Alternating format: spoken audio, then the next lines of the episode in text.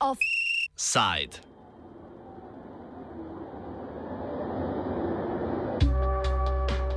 Vidka država, gibki zavodi.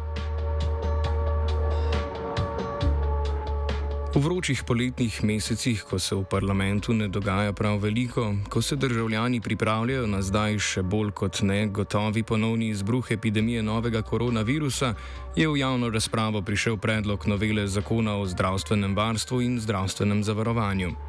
Slehrnik je lahko brez cinizma domneval, da najbrž še ne bomo dočakali kakega velikopoteznega, a krvavo potrebnega projekta, kot je ukinitev dopolnilnega zdravstvenega zavarovanja. In slehrnik je imel prav. Predlog obravnava izključno upravno strukturo Zavoda za zdravstveno zavarovanje Slovenije, ki bo po novem bojda bolj gibka. Na Ministrstvu za zdravje nažalost niso bili dosegljivi, da bi pojasnili, za kakšno vrsto gibkosti pravzaprav gre. Nad spremembami pa niso prav nič navdušeni v skupščini ZZZS. Vsebino predloga uriše predsednica skupščine in izvršna sekretarka sindikata ZZZS Lučka Bim.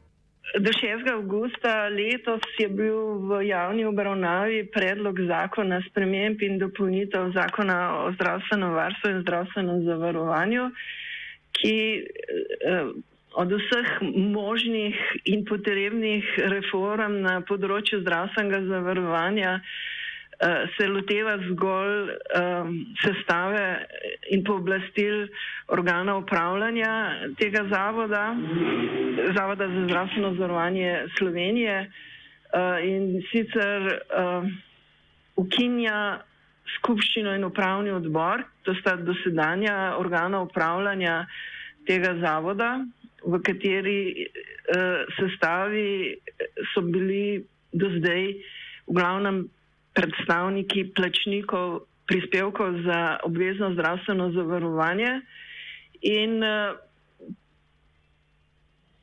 določa tudi uh, uh, nov organ upravljanja, svet zavoda, ki ne odraža več, uh, koliko prispevkov je kateri, uh, kateri zavarovanec ali pa zavezanec za plačilo prispevkov uplačal, torej v nasprotju z tradicijo, v, ne samo v Sloveniji, ampak v vsej kontinentalni Evropi. Na kratko gre pri spremembi upravne strukture v proporcionalnem smislu za povečano prisotnost vladnih predstavnikov. Enajčlanski svet ZZZS bi namreč nadomestil trenutno 45-člansko skupščino, v kateri med drugim sedijo štirje člani, ki jih imenuje vlada kot predstavnike delodajalcev za področje javne uprave in negospodarskih javnih služb. Tudi v svetu bi sedeli štirje člani, ki jih imenuje vlada, poleg njih pa še trije predstavniki delodajalskih združenj, od katerih enega prav tako imenuje vlada, in štirje predstavniki zavarovancev. Več o tem bim tisto, kar nas pravzaprav uh, preseneča, ne, uh, je, da novi 71a člen določa uh, takšno le sestavo uh, tega novega predlaganega organa upravljanja Zavoda za zdravstveno zavarovanje in sicer 11 članov naj bi imel. Uh, trije naj bi bili predstavniki delodajalcev, Eh, od katerih dva imenujejo delodajalska združenja na ravni države in enega eh, vlada Republike Slovenije, eh, štiri bi bili pred, neposredno predstavniki, torej skupaj vlada bi imela pet od še, šestih, štirje pa ne bi bili predstavniki zavarovancev, od tega en predstavnik za po, teh 850 zaposlenih v zavodu. Uh, za zdravstveno zavarovanje Slovenije, potem en predstavnik študentov, en predstavnik upokojencev in en predstavnik invalidov. Tisto, kar je zanimivo, ne, da ta predlog pred, predlaga predstavnike zavarovancev in večina med njimi niso zavarovanci. Večina aktivnih zavarovancev bi bila tako ponovem izključena iz upravljanja zavoda. Prav tako bi bilo število predstavnikov upokojencev in invalidov zmanjšano na po enega, izločen bi bil predstavnik kmetov, predstavnika pa bi prvič dobili študentje. Za dodaten odozem možnosti soodeležbe delovnega prebivalstva poskrbi peti člen predloga novele, ki ministru za zdravje daje pravico veta na odločitve sveta, če oceni, da odločitev ni zakonita ali če ni v skladu s prejeto politiko.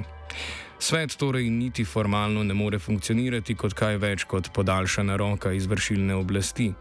Več o tem Rosvita Svenšek, predsednica Komisije za zdravstveno in socialno varstvo pri Zvezi društv upokojencev Slovenije.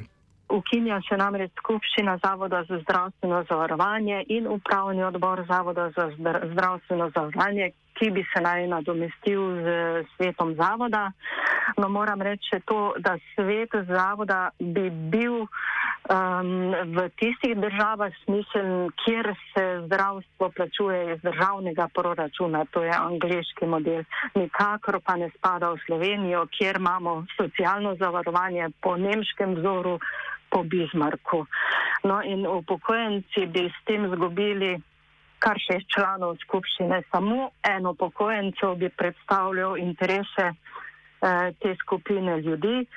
Moram pa reči, da je upokojencev v Sloveniji 600 tisoč in da, da jih predstavlja samo eden, je nespremljivo. Nikakor nismo za novelo zakona.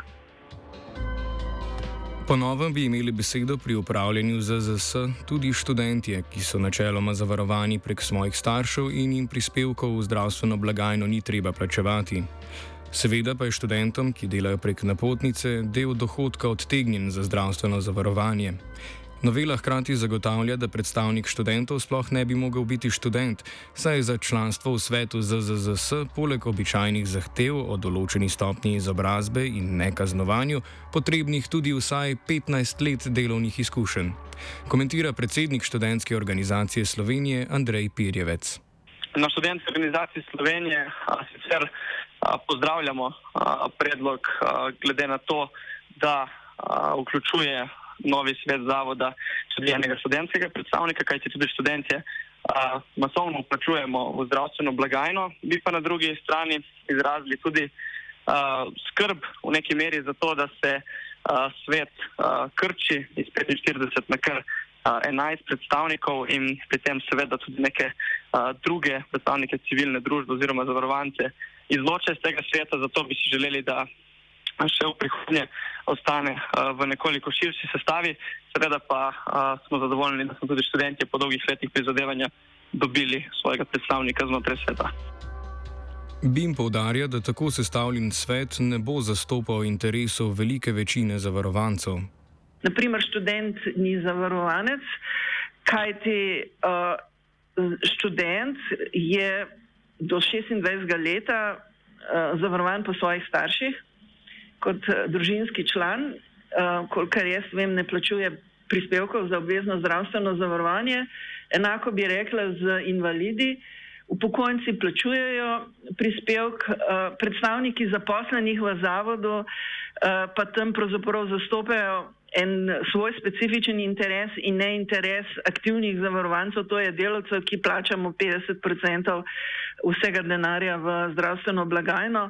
Tako da uh, je to zelo nenavaden, milo rečeno, uh, predlog, kdo naj zastopa interese zavarovancev v jutrišnjem predlaganem organu upravljanja tega zavoda.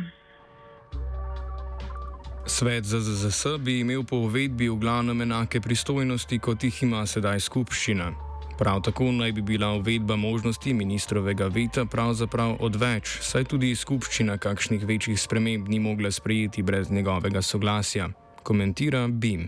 Pristojnosti več ali manj ostajajo enake, s tem, da uh, se avtonomija uh, teh organov upravljanja uh, še bolj oži. Moram povedati, da že do zdaj smo potrebovali uh, praktično soglasje ministra za zdravje, pa tudi ministra za finance za vsako ključno odločitev. Um, ne sem to, um, Zavod za zdravstveno zavarovanje se vsako leto pogaja uh, z uh, zdravstvom, se pravi z zdravstvenimi ustanovami in pa koncesionarji, uh, po kakšni ceni, katere zdravstvene storitve bo kupo plačal za nas, uh, prebivalstvo, ki smo zavarovani zdravstveno.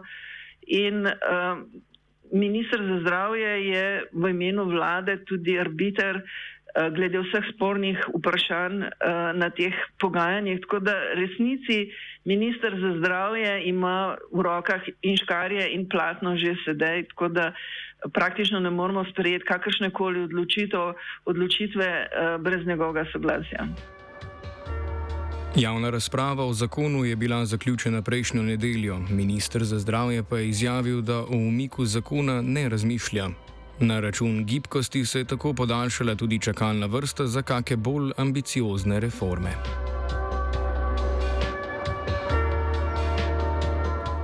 Offside je samo upravljal svetina.